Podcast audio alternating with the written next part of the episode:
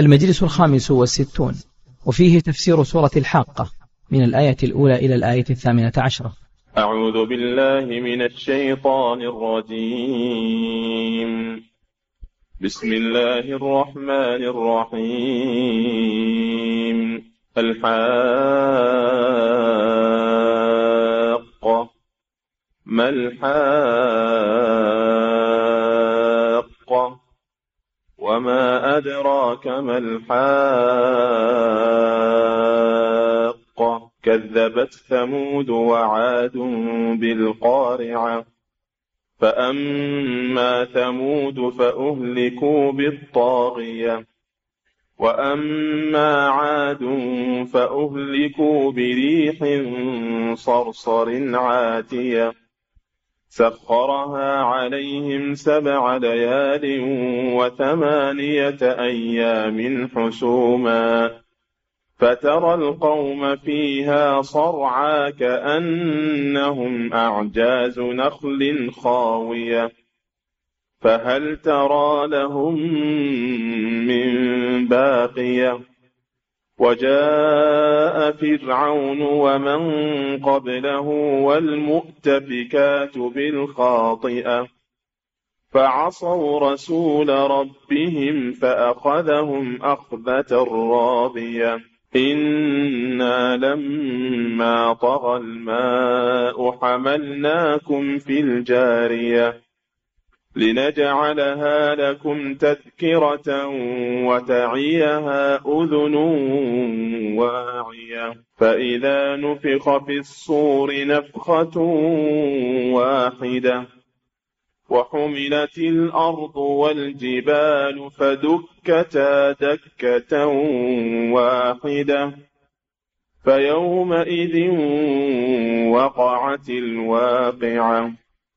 وانشقت السماء فهي يومئذ واهية.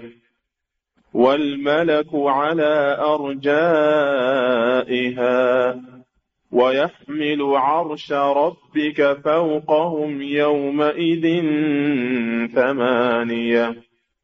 يومئذ تعرضون لا تخفى منكم خافية. بسم الله الرحمن الرحيم. الحمد لله رب العالمين. صلى الله وسلم على نبينا محمد وعلى آله وأصحابه أجمعين. قال الله تعالى بسم الله الرحمن الرحيم. الحاقة. ما الحاقة؟ وما أدراك ما الحاقة. الحاقة هي القيامة. الحاقة هي القيامة. قيام الساعة وقيامة الخلائق من قبورهم فهي الحاقة. سميت بالحاقة لأنها يتحقق بها الوعد والوعيد الذي أنزله الله في الكتب وجاءت به الرسل يتحقق في هذا اليوم ويقع كما أخبر الله سبحانه وتعالى به. قال الحاقة ما الحاقة؟ الحاقة الأولى مبتدأ وما الحاقة؟ خبره كررها لأجل التفخيم من شأنها لأجل التفخيم من شأنها وتأكيد وقوعها. ثم قال جل وعلا وما أدراك ما الحاقة. ما أدراك ما الحاقة. هذا أيضا تفخيم لشانها وما يحصل فيها مما لا يقع في الخيال أو التقدير البشري. يقع فيها أشياء لا تتصورها العقول ولا تدركه الأفهام. أمر هائل جدا.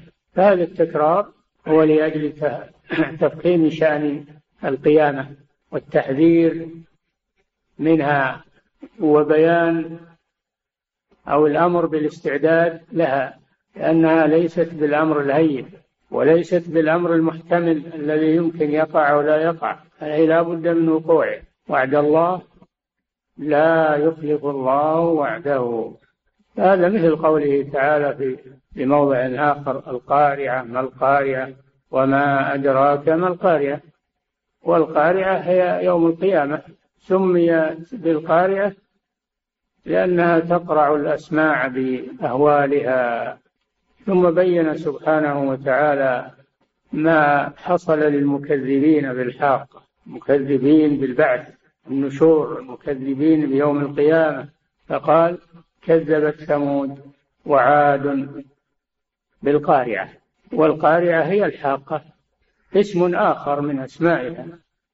أسماؤها كثيرة والشيء إذا كثرت أسماؤه دل على عظمته دل على عظمته.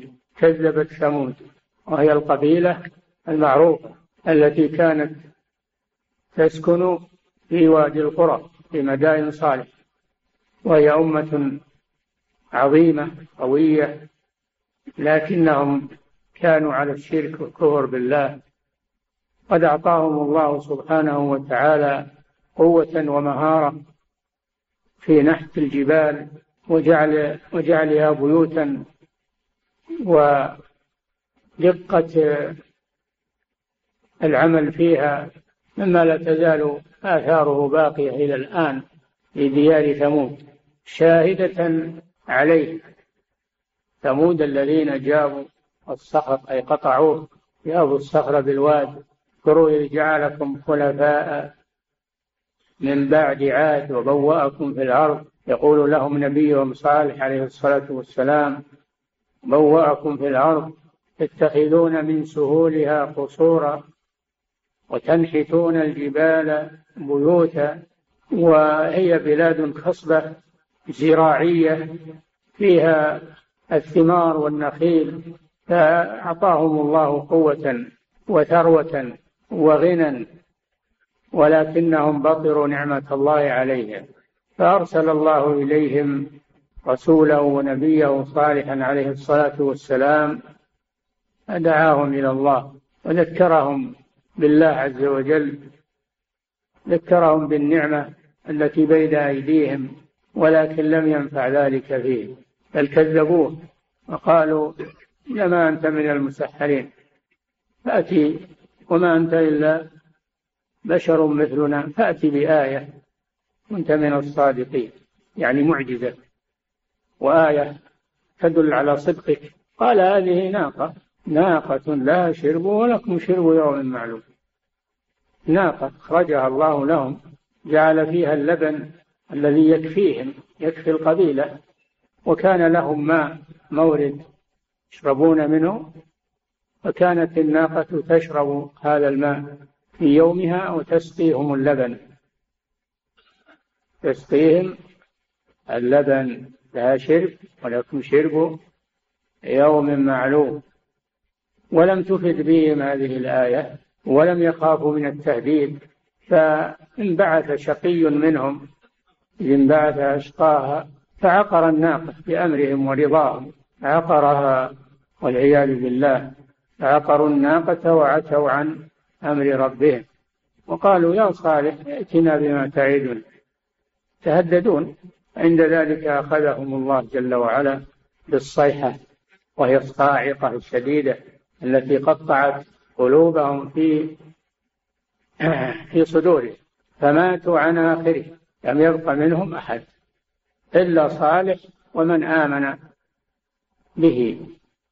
فتولى عنهم وقال يا قوم لقد أبلغتكم رسالة ربي ونصحت لكم ولكن لا تحبون الناصحين.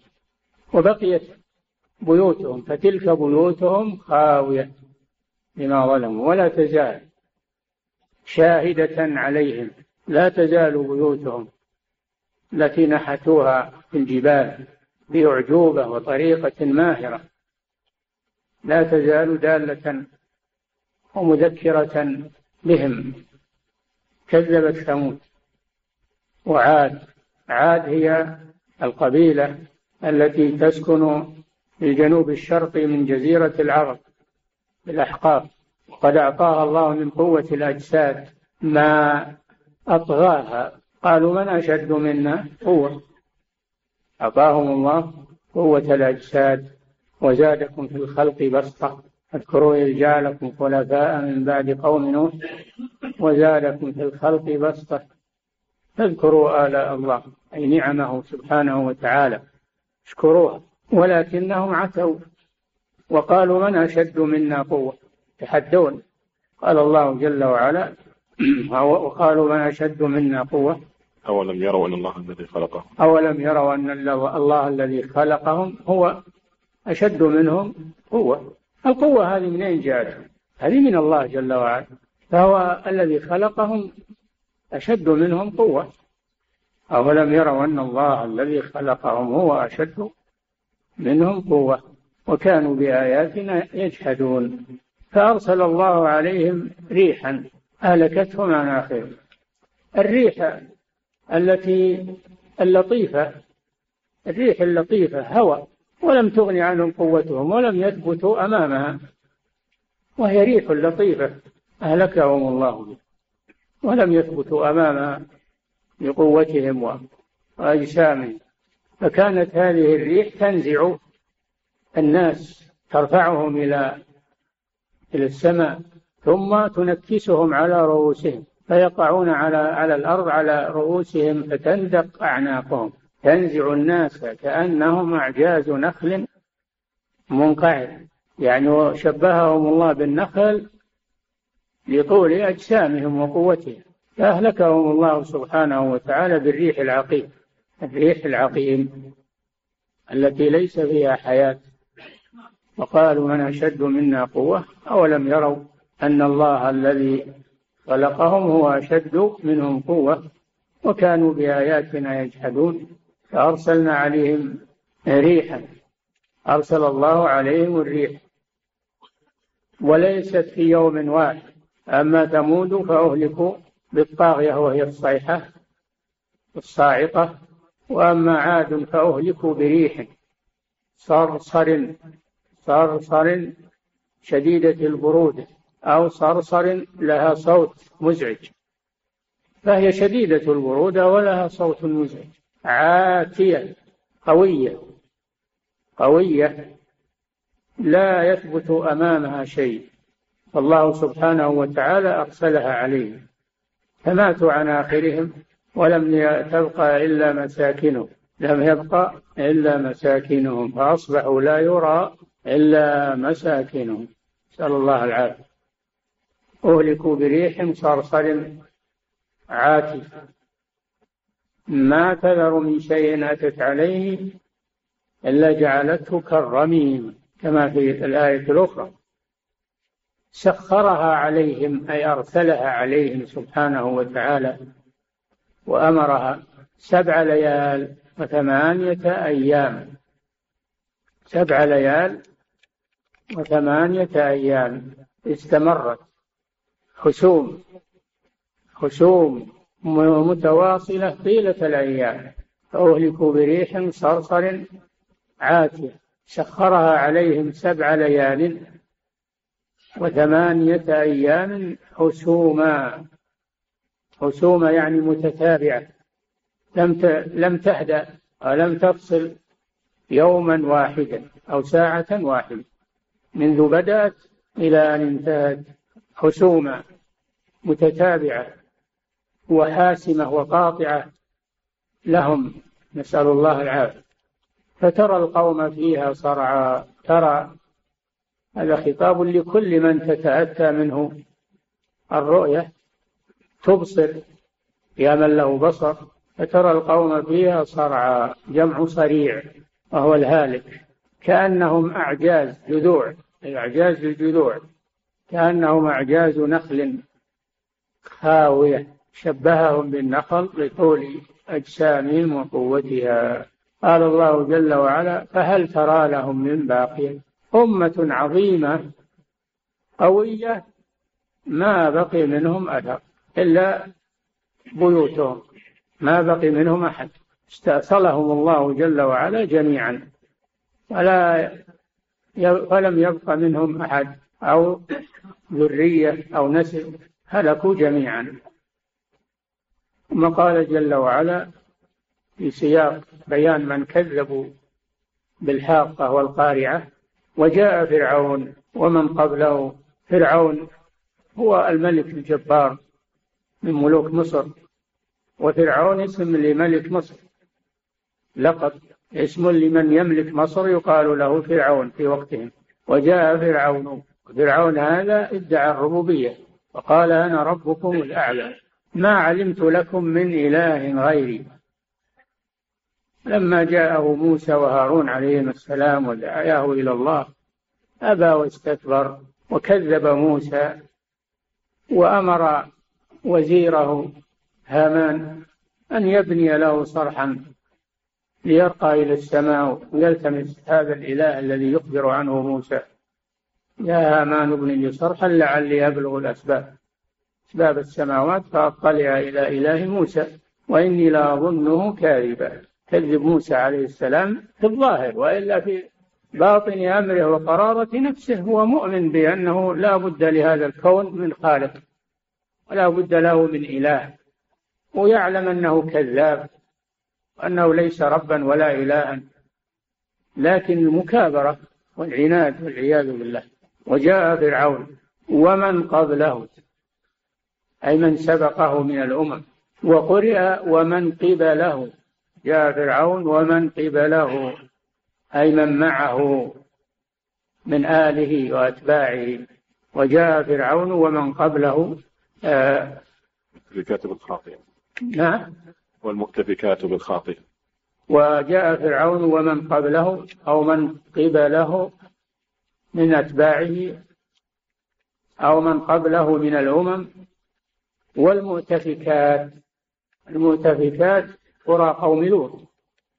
قال تعالى والمؤتفكة أهوى فغشاها ما غشا لما خسف الله بها وأتبعها بالحجارة. المؤتفكات هي قرى قوم لوط. وجاء فرعون ومن قبله والمؤتفكات بالخاطئة.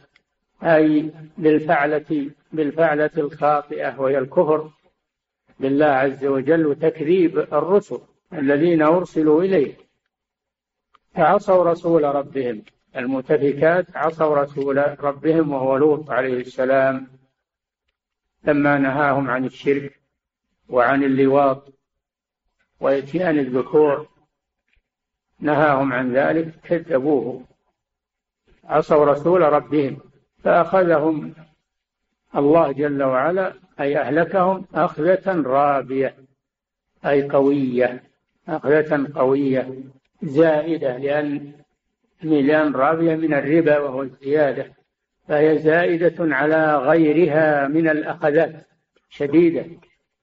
وذلك أن الله اقتلع ديارهم من وصولها ورفعها إلى عنان السماء ثم قلبها عليهم وأتبعهم بحجارة من سجيل من النار والعياذ بالله.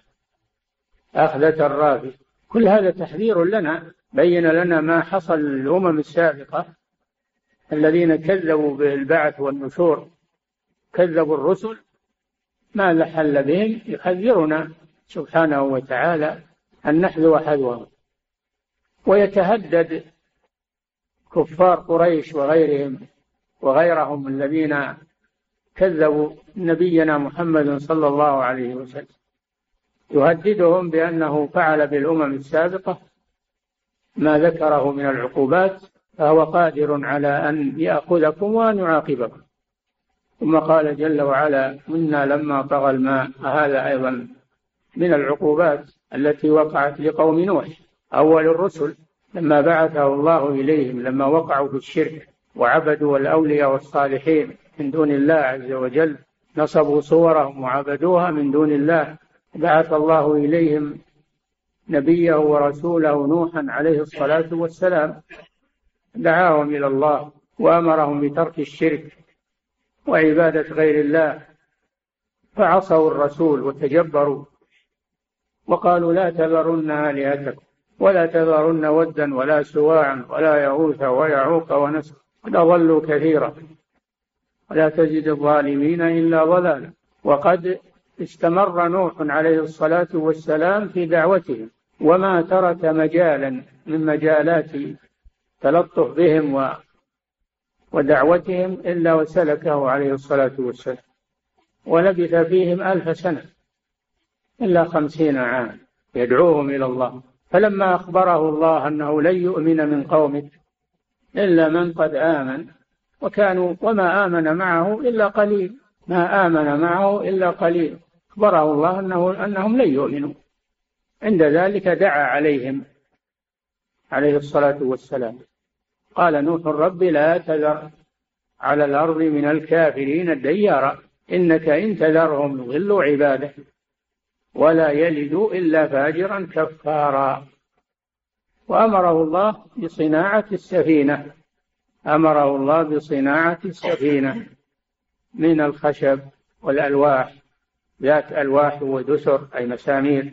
وعلمه الله صناعة السفينة صنعها عليه الصلاة والسلام بأمر الله سبحانه وتعالى. ويصنع الفلك كلما مر عليه ملأ من قومه سخروا منه. يسخرون من من نوح عليه السلام ومن هذه السفينة التي يصنعها. فيصفونه بالعبث. قال إن تسخروا منا فإنا نسخر منكم كما تسخرون. فلما جاء الوعد وعد الله جل وعلا بهلاكهم أمر السماء فأمطرت وأمر الأرض فنبع الماء منها. حتى التنور الذي هو محل وقود النار طار والعياذ بالله. الأرض من تحتهم تفور والسماء من فوقهم تهطل بالمطر. بماء منهمر. والتقى الماء على أمر قد قدر. ماء السماء وماء الأرض. حتى على فوق الجبال. حتى على فوق الجبال. وهو الطوفان. عند ذلك أمر الله رسوله نوحا عليه السلام أن يركب السفينة وأن يحمل معه من كل زوجين اثنين. لأجل بقاء النسل. ومن معه من المؤمنين. فركب في السفينة وحمل معه من أمره الله بحملهم. فقال اركبوا فيها بسم الله مجريها ومرساها. إن ربي لغفور رحيم. وهي تجري بهم في موج كالجبال. في موج كالجبال. فهلكوا عن آخرهم. ولم ينجو إلا نوح عليه السلام ومن معه في السفينة. ثم لما هلكوا أمر الله الأرض. فبلعت ماءها. وقيل يا أرض ابلعي. ماءك وأمر السماء فتوقفت عن المطر. ذهب الماء واستوت السفينة أي رست على الجودي أي جبل على جبل في أرض العراق. قالوا له الجودي. فنزل نوح عليه السلام ومن معه بسلامة الله. آمنين. وهلك قوم نوح عن آخرهم. لم يبق منهم أحد. حتى ابن نوح لما انحاز إلى الكفار وأبى أن يركب مع بها أهلكه الله معهم. حال بينهما الموت فكان من المغرقين والعياذ بالله. هذه قصة قوم نوح. إنا لما طغى الماء أي زاد وارتفع في طوفان حملناكم في الجارية. حملناكم. كيف حملهم وهم غير موجودين؟ الخطاب لمن نزل فيهم القرآن. على عهد محمد صلى الله عليه وسلم. كيف حملهم وهم غير موجودين؟ نعم حملهم في أصلاب آبائهم. حملهم في أصلاب آبائهم الذين كانوا مع نوح عليه السلام. فحمل آبائهم حمل لهم لأنه لم لو لم يحمل آباءهم ما ما جاء ما ما تناسلوا ولا جاء هؤلاء فهم من ذرية من حملهم نوح عليه السلام معه في السفينة. حملناكم أي في أصلاب آبائكم مع نوح عليه السلام. حملناكم في الجارية أي السفينة. الجارية أي السفينة التي تجري وهي تجري بهم في موج كالجبال. فهي تجري سفينة مملوءة بالركاب وتمشي على الماء. تسخير الله سبحانه وتعالى. عبرة وعظة. تمشي على الماء كأنها تمشي على اليابسة. حملناكم في الجارية أي السفينة. لنجعلها لكم تذكرة. السفينة جعلها الله تذكرة وعبرة. وصارت صناعة السفن مهنة مستمرة. بعد سفينة نوح عليه السلام. تمشي على الماء. المراكب والسفن. تمشي على الماء الآن. هذا من أكبر العبر. لنجعلها لكم تذكرة تذكر بما حصل لقوم نوح. ولو شاء الله لأغرق هذه المراكب وهذه السفن. ولكنه بقدرته ورحمته ولطفه بالعباد يحملها على الماء. لمصالح العباد. وخلقنا لهم. حملنا ذريتهم في الفلك المشحون. وخلقنا لهم من مثله ما يركبون. فهذه السفن وهذه المراكب والبواخر هذه تشبه سفينة نوح عليه السلام وهي البداية التي علمها الله لخلقه وبقيت لمصالحهم. وإلا فسفينة نوح تلفت في طول الزمان لكن الذي عندنا هو ما يشابهها. الذي عندنا هو ما يشابهها. خلقنا لهم من مثله ما يركبون. يجعلها لكم تذكرة. وتعيها أذن واعية. تسمعها. وتعتبر بها كل أذن تعي ما تسمع. وتعتبر بذلك. قد سمعتم قصة سفينة نوح عليه السلام. وما خلق الله للناس مما يشابهها هذه عبرة وعظة لمن يعي المواعظ وينتبه لها لنجعلها لكم تذكرة وتعيها أذن واعية ثم إنه سبحانه وتعالى ذكر مرة ثانية القيامة وأهوالها الحاقة والقارعة فقال فإذا نفخ في الصور نفخ في الصور وهو القرن القرن الذي ينفخ فيه إسرافيل عليه السلام موكل به وهذا القرن فيه أرواح بني آدم. فإذا نفخه طارت كل روح إلى جسمها فبعث الله الخلق أحياء. فإذا نفخ في الصور نفخ فيه الملك الموكل به وهو إسرافيل. نفخ فيه بأمر الله سبحانه وتعالى. نفخة واحدة. ما يكررها. نفخة واحدة. بأمر الله سبحانه وتعالى. تكفي. وإذا نفخ في الصور طارت الأرواح من هذا القرن الذي حبست فيه كل روح إلى جسمها الذي كونه الله بعد الفناء وأوجده وأنبته من الأرض تطير روحه إليه. ثم نفخ فيه أخرى فإذا هم قيام ينظرون. قيام ينظرون. نفخ في الصور فإذا نفخ في الصور نفخة واحدة. النفخات ثلاث. نفخة الفزع. ونفخ في الصور ففزع من في السماوات ومن في الأرض إلا من شاء الله. كلنا توه داخلين. النفقة الثانية نفقة الصعق. وهو الموت. الصعق وهو الموت. فيموت كل من على وجه الأرض إلا من استثناهم الله. ونفخ في الصور فصعق من في السماوات ومن في الأرض إلا من شاء الله إلا من شاء الله. ممن لم يشأ ممن لم يشأ صعقهم وموتهم. فصعق من في السماوات ومن في الأرض إلا من شاء الله. ثم نفخ فيه أخرى. هذه النفخة الأخير. نفخ فيه أخرى نفخة البعث هذه نفخة البعث. فإذا هم قيام ينظرون ثم يؤمرون بالمسير إلى المحشر. يخرجون من الأجداث من القبور كأنهم جراد منتشر مهطعين إلى الداعي. يقول الكافرون هذا يوم عسر فينفخ فيه النفخة الأخيرة. وهي والله أعلم هي المقصودة في هذه الآية. فإذا نفخ في الصور أي النفخة الأخيرة نفخة البعث أو هي النفخة نفخة الصعق والهلاك. يحتمل هذا وهذا. نفخة الصعق والهلاك. فإذا نفخ في الصور نفخة واحدة. وحملت الأرض والجبال اقتلعت الأرض. واقتلعت الجبال. فدكتا دكة واحدة. اختلط بعضها ببعض. ثم تصير الأرض مبسوطة.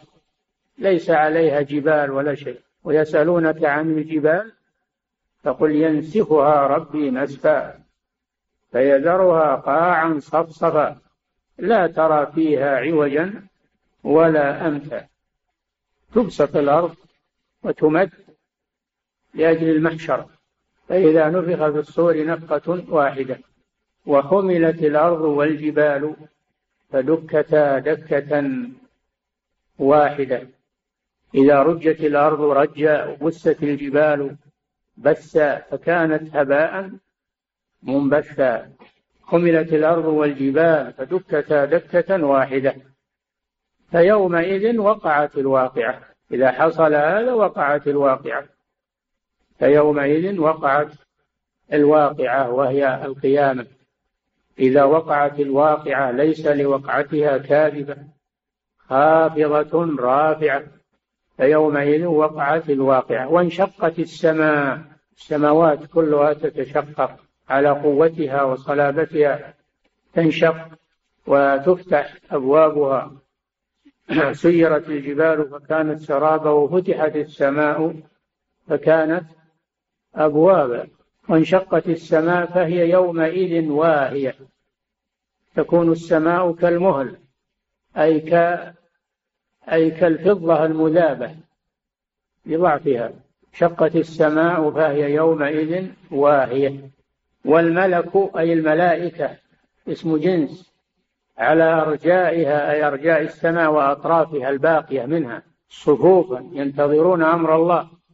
سبحانه وتعالى يصدر إليهم لينزلوا إلى الأرض والملك على أرجائها ويحمل عرش ربك فوقهم أي فوق الناس أو فوق الملائكة أو فوق الحملة يحمل عرش ربك وهو العرش الذي استوى الله جل وعلا عليه فوق المخلوقات.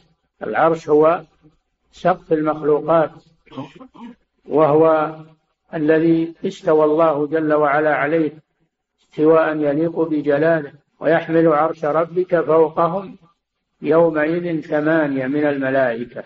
ثمانية. كل ملك لا يعلم عظم خلقته إلا الله سبحانه وتعالى.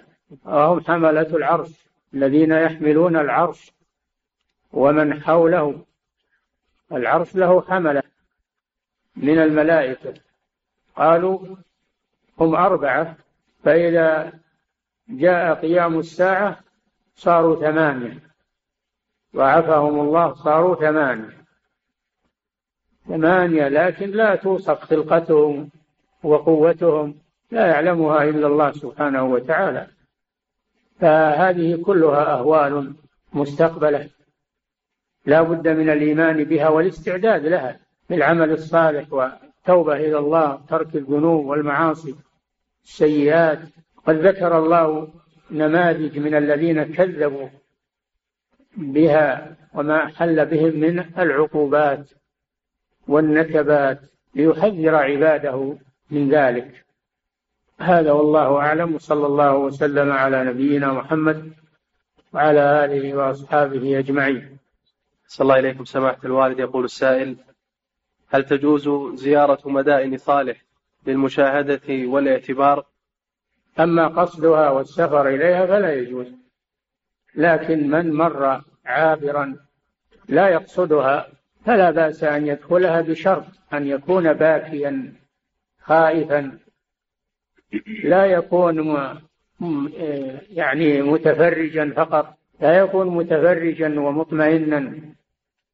أو يمدح هذه الدولة وهذه الأمة بما يجد من آثارها يفتخر بذلك. هذا لا يجوز. لما مر بها النبي صلى الله عليه وسلم هو وأصحابه في طريقهم إلى إلى تبوك إلى غزوة تبوك قال لا تدخلوا على هؤلاء المعذبين إلا أن تكونوا باكين أن يصيبكم ما أصابهم. الذهاب للتفرج والإعجاب لا يجوز. أما من مر غير قاصد لها ودخلها لأجل الاعتبار والخوف من الله عز وجل فلا بأس بذلك. نعم.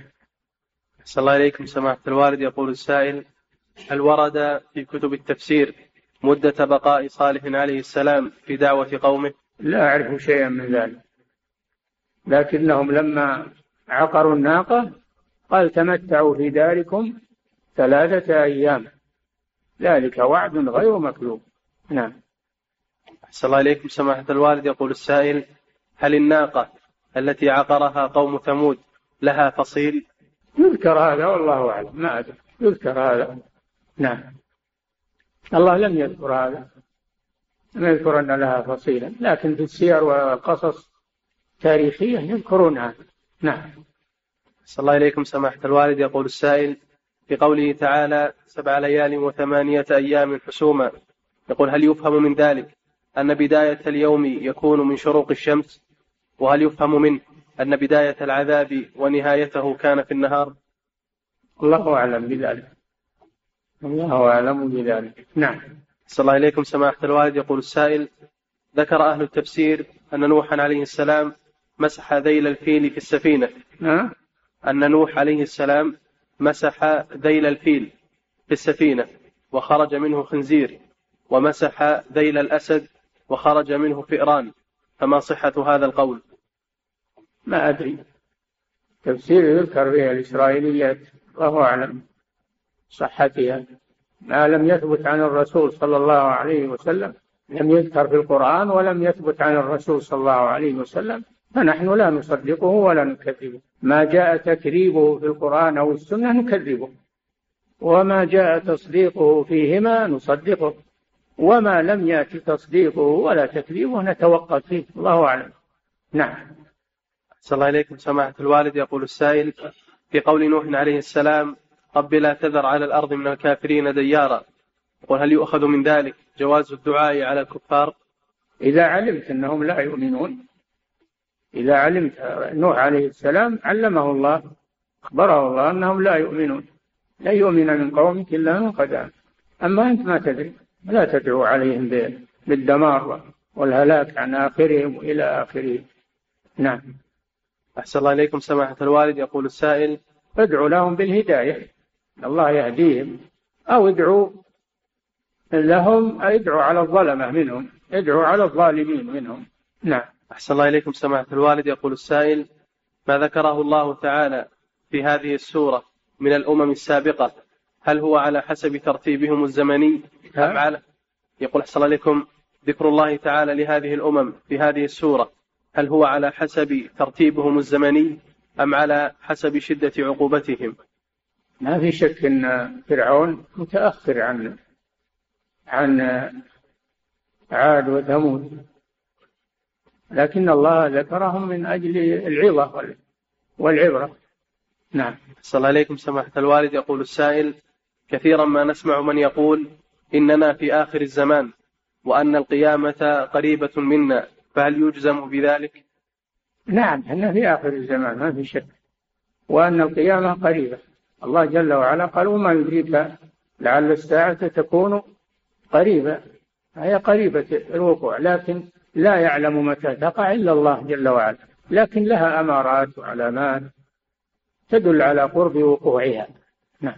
أحسن الله إليكم. سماحة الوالد يقول السائل ظهر في بعض وسائل الإعلام من يقول إن وضع القبور في المساجد جائز واستدل بقوله تعالى في سورة الكهف لنتخذن عليهم مسجدا فكيف الرد عليه؟ الآية ترد عليه. قال الذين غلبوا على أمرهم. قال الذين غلبوا على أمرهم.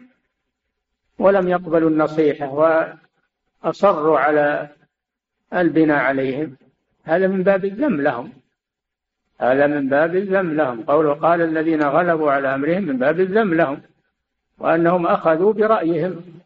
ولم يقبلوا النصيحة. وهذا الذي يقول أن يجوز البناء على بناء يجوز جعل القبور في المساجد هذا معاند للرسول صلى الله عليه وسلم حيث أن الرسول لعن من فعل هذا وحذر من هذا فهذا معاند للرسول صلى الله عليه وسلم ومشاق للرسول صلى الله عليه وسلم وداعية إلى الشرك والعياذ بالله. نعم. أحسن الله إليكم. سماحة الوالد يقول السائل بعض علماء الجيولوجيا والآثار يقولون إن هناك آثار لسفينة نوح عليه السلام موجودة إلى الآن وإنها رست فوق جبل بلبنان. فهل هذا صحيح؟ الذي يذكره المفسرون أن أن الجودي في أرض العراق. والظاهر أن اسمه موجود إلى الآن سمى الجودي. وأما بقى شيء من السفينة الله أعلم. الله أعلم بذلك. نعم. لكن باق جنسها باقي جنس السفينة وهي المراتب التي تشاهدونها في البحار. هذه من جنس السفينة. نعم. أحسن الله إليكم. سماحة الوالد يقول السائل هل الأرواح التي في القرن أرواح المؤمنين والكافرين بعضهم مع بعض؟ الله أعلم بذلك. نعم. أحسن الله إليكم. سماحة الوالد يقول السائل من هم الذين استثناهم الله تعالى من نفخة الصعب الله أعلم بذلك. الله أعلم بذلك. إلا من شاء الله. قيل الحور العين وقيل الملائكة. الله أعلم. نعم.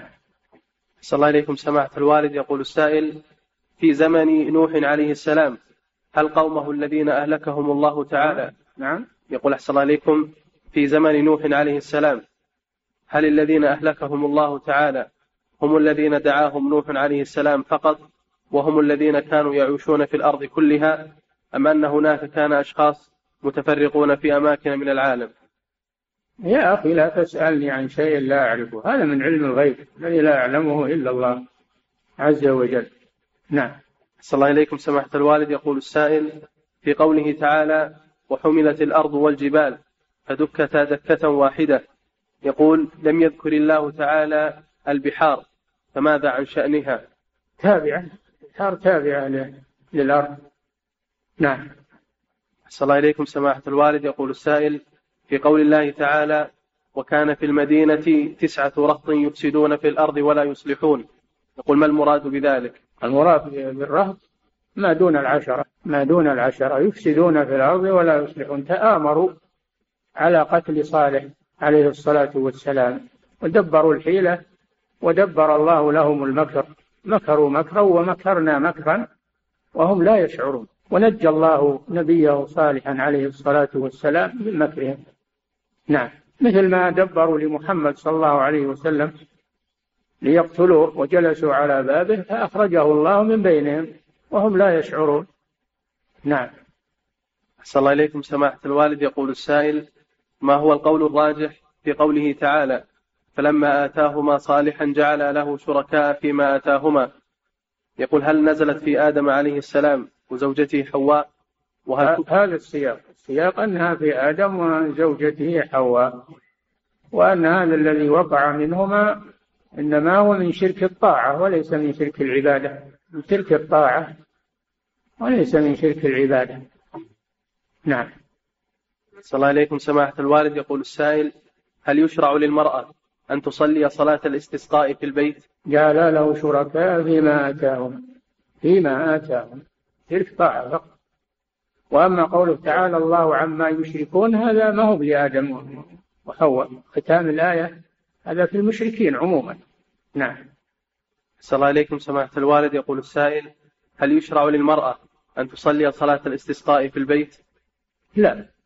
تحضر مع المسلمين. كان النبي صلى الله عليه وسلم يأمر العواتق والحيض يشهدن دعوة المسلمين ويخرجن إلى المصلى ويعتزل الحيض. المصلى. نعم. صلى الله عليكم سماحة الوالد. يقول السائل قلب الرداء ونحوه في صلاة الاستسقاء هل يكون إلى الخروج من المسجد أم يستمر ذلك طوال اليوم؟ يستمر إلى أن يصل إلى بيته. يستمر إلى أن يصل إلى بيته. فإذا أراد أن يغير ثيابه يغيرها نعم. صلى الله عليكم سماحة الوالد. يقول السائل ما حكم قراءة الصلاة الإبراهيمية في التشهد الأول؟ لم يرد هذا. الذي ورد أنها في التشهد الأخير. بعض العلماء يقول أنه يصلي على النبي في التشهد الأول ولكن الجمهور لا يقولون بذلك. يقف عند قوله وأشهد أن محمدا عبده ورسوله. نعم. أحسن الله إليكم سماحة الوالد. يقول السائل هل إلقاء الكلمات الوعظية والتوجيهية في الولائم والعزائم أمر منهي عنه؟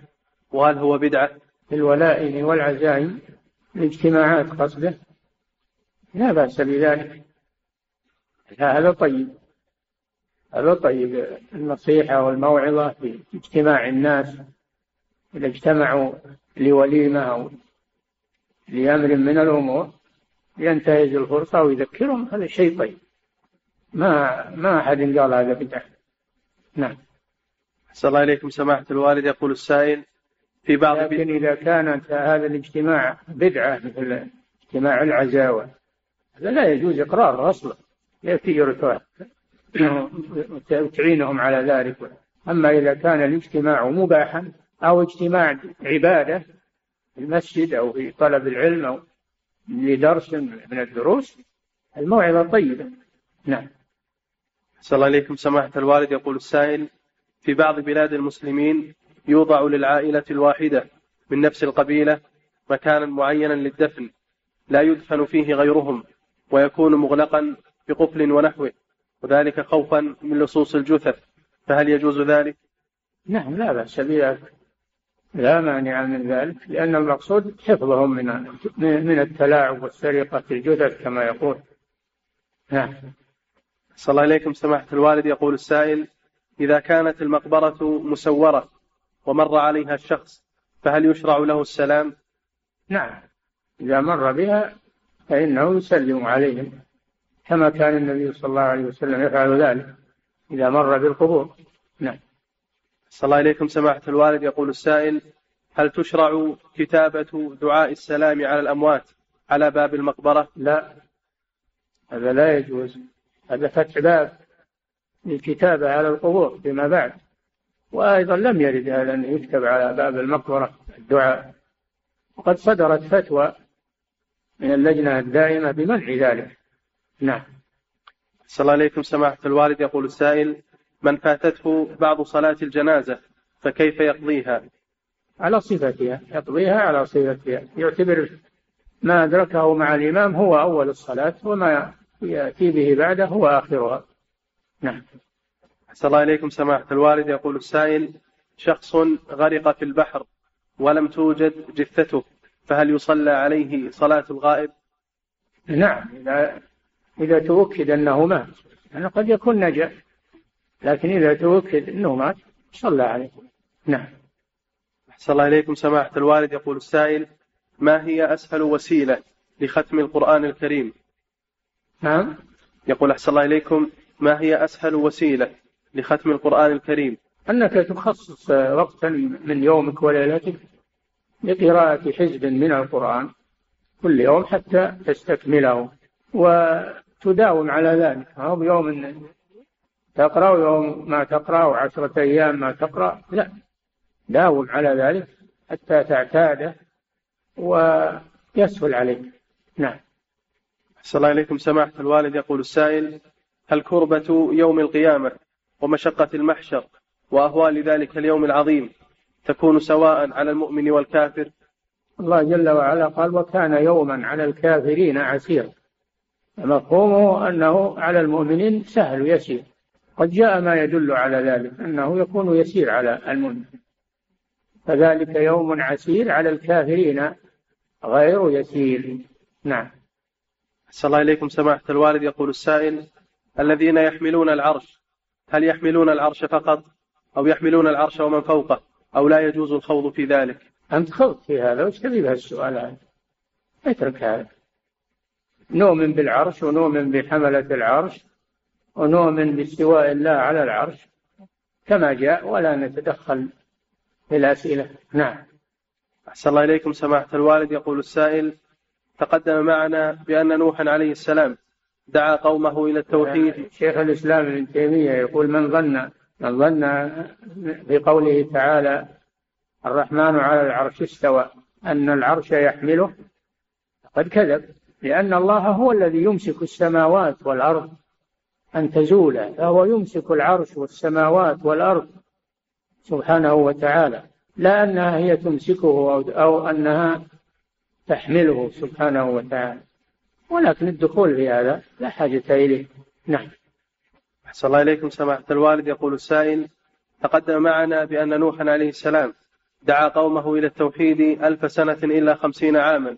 يقول وعندنا من يقول لا تشددوا في التوحيد ولا تفرقوا كلمة المسلمين فالأصل في المسلمين التوحيد. فما الجواب عن هذه الشبهة؟ هذه مخالفة لدعوة الرسل عليهم الصلاة والسلام. الرسل يدعون إلى التوحيد ويحثون عليه ويبدأون به وهذا يثبط عن الدعوة إلى التوحيد. هذه طريقة الحزبيين الذين يهتمون بمناهج جماعاتهم وحزبياتهم ولا يهتمون بالتوحيد والعقيدة. هذه طريقة ضلال مخالفة لطريقة الرسل عليهم الصلاة والسلام طريقة أهل العلم والسلف الصالح. نعم فلا يلتفت إليها. ولا يعبأ بها بل تنكر تستنكر. والناس بحاجة إلى دروس التوحيد وتعليم التوحيد لأن يقع الخطأ ويقع الجهل ويقع كثير من الأمور. فإذا ترك تعليم التوحيد دب إلى الناس البدع والشركيات والخرافات. نعم. صلى الله عليكم سماحة الوالد. يقول السائل ما حكم قول بلعون؟ نعم. يقول أحسن الله إليكم ما حكم قول بلعون؟ ندري نعم. صلى الله عليكم سماحة الوالد يقول السائل هل المرأة الجنب إذا أرادت أن تغتسل تغسل أصول شعرها أم يكفي مسحه أم يكفي مسحه وغسل ما عداه؟ لا لا لا بد من إرواء الشعر لا بد من إروائه بالماء ليصل الماء إلى أصوله. قال صلى الله عليه وسلم تحت كل جنابة شع... تحت كل شعرة جنابة. تحت كل شعرة جنابة. فيجب تبليغ الماء إلى أصول الشعر وعرك الرأس بالماء حتى يتبلغ. نعم.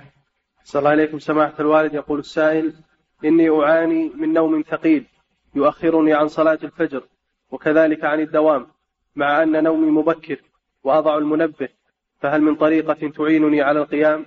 وما حكم تأخير الصلاة عن وقتها في مثل هذه الحالة؟ لأنك اعتدت هذا. والإنسان إذا تعود صعب عليه ترك العادة. فعود نفسك القيام والنشاط في الصلاة واهتم بذلك ويعينك الله سبحانه وتعالى على ذلك. ولا يجوز تأخير الصلاة عن وقتها بصفة دائمة. أما لو أنك تريد القيام وعزم عليه وتقوم عادة أنك تقوم ولكن غلبك النوم في بعض الأحيان هذا عذر. أما اتخاذ هذا عادة وطريقة هذا لا يجوز. نعم. صلى الله عليكم سماحة الوالد يقول السائل هناك من ينسب إليكم القول بأن الذي يجلس في المسجد حتى شروق الشمس يبقى أربع دقائق فقط من وقت الإشراق فيخرج وقت النهي ثم يصلي. فهل نسبة ذلك لكم صحيح؟ هذه كذب وافتراء. أنا ما حددت أربع دقائق البقاء إلى ارتفاع الشمس قيد رمح. من ارتفاع الشمس قيد رمح. هذا المذكور في كلام أهل العلم. ولا حدد بالدقائق حدد بارتفاع الشمس عن الأفق. نعم. صلى الله عليكم سماحة الوالد. هذا سؤال تكرر كثيرا. تقول السائلة من يحب زوجته ويلبي طلباتها هل يكون بذلك عبدا لها على وجه الذم؟ فقد أساء بعضهم الفهم في درس أمس فحرم زوجته ما كان قد وعدها وحدث بينهما خلاف وشجار ومقاطعة. درس أمس ما هو؟ وش, وش اللي صار فيه درس المرأة لها حق على زوجها ينفق عليها. وأما الطلبات الزائدة عن النفقة فهو بالخيار إن شاء جاء بها وإن شاء تركها. إنما المطالب به النفقة قدر النفقة والكسوة والمسكن والمبيت. هذا هو الواجب عليه. ما زاد عن ذلك هو بالخيار نعم. أحسن الله إليكم. سماحة الوالد يقول السائل هل تكره الصلاة على الميت بعد العصر لأنه وقت نهي؟ لا يستثنى. الصلاة على الميت تستثنى. قالوا في الوقتين الطويلين بعد الفجر وبعد العصر لأن في تأخير الجنازة ضرر عليها. هذا عند الذين لا يقولون بذوات الأسباب. أما الذين يقولون بصلاة ذوات الأسباب في أي وقت فليس عندهم هذا التفصيل بل يصلى عليها في كل وقت إلا في الأوقات التي نهى الرسول صلى الله عليه وسلم عن الصلاة فيها والدفن فيها وهي الثلاثة عند بزوغ الشمس طالعة وعند قيامها في وسط السماء حتى تزول. وعند غروب عند شروعها في الغروب حتى تغرب نعم. صلى الله عليكم. سماحة الوالد يقول ثلاثة نهانا رسول الله صلى الله عليه وسلم أن نصلي فيهن وأن نقبر فيهن موتانا ثم ذكر هذه الثلاثة. نعم. صلى الله عليكم. سماحة الوالد يقول السائل هل تصلى الجنازة على تارك الصلاة؟ من يرى كفره يعني تارك الصلاة متعمدا جاحدا لوجوبها هذا لا يصلى عليه بالإجماع. أما من تركها تكاسلا وهو يعترف بوجوبها هذا محل خلاف. الذي يرى كفره لا يصلي عليه. نعم. أحسن الله إليكم سماحة الوالد. طالب يدرس في أحد الدول العربية. هل يمكنه الجمع؟ جمع تقديم بين صلاة الظهر وصلاة العصر؟ لأنه حين أذان العصر يكون داخل محاضرة دراسية ولا يتمكن من تأديتها لأنه لا توجد مصليات. ولا يتم إيقاف الدروس عندهم من أجل الصلاة فماذا يفعل؟ إذا كان الدرس ينتهي قبل غروب الشمس يصلي إذا انتهى الدرس لأنه لا يزال الوقت باقيا يصلي إذا انتهى الدرس قبل غروب الشمس ولا حاجة إلى الجمع. نعم. صلى الله إليكم سماحة الوالد. يقول السائل عندنا خارج هذه البلاد إذا مات أحد حضر الناس ويرفعون أيديهم للتعزية بقراءة الفاتحة سرا وهو المتعارف عليه فهل يجوز لي أن أرفع يدي معهم وأدعو للميت دون قراءة الفاتحة؟ لأنه إذا لم أرفع معهم يداي وقعت معهم في مشكلة. لا تشاركهم في البدعة هذا بدعة رفع الأيدي رفع الأيدي بقصد الدعاء للميت يدعى للميت بدون رفع يدين يدعى له بدون رفع يدين وبدون وقت محدد. يبين لهم عرفهم بهذا. نعم. انتهى صلى الله الله تعالى أعلم.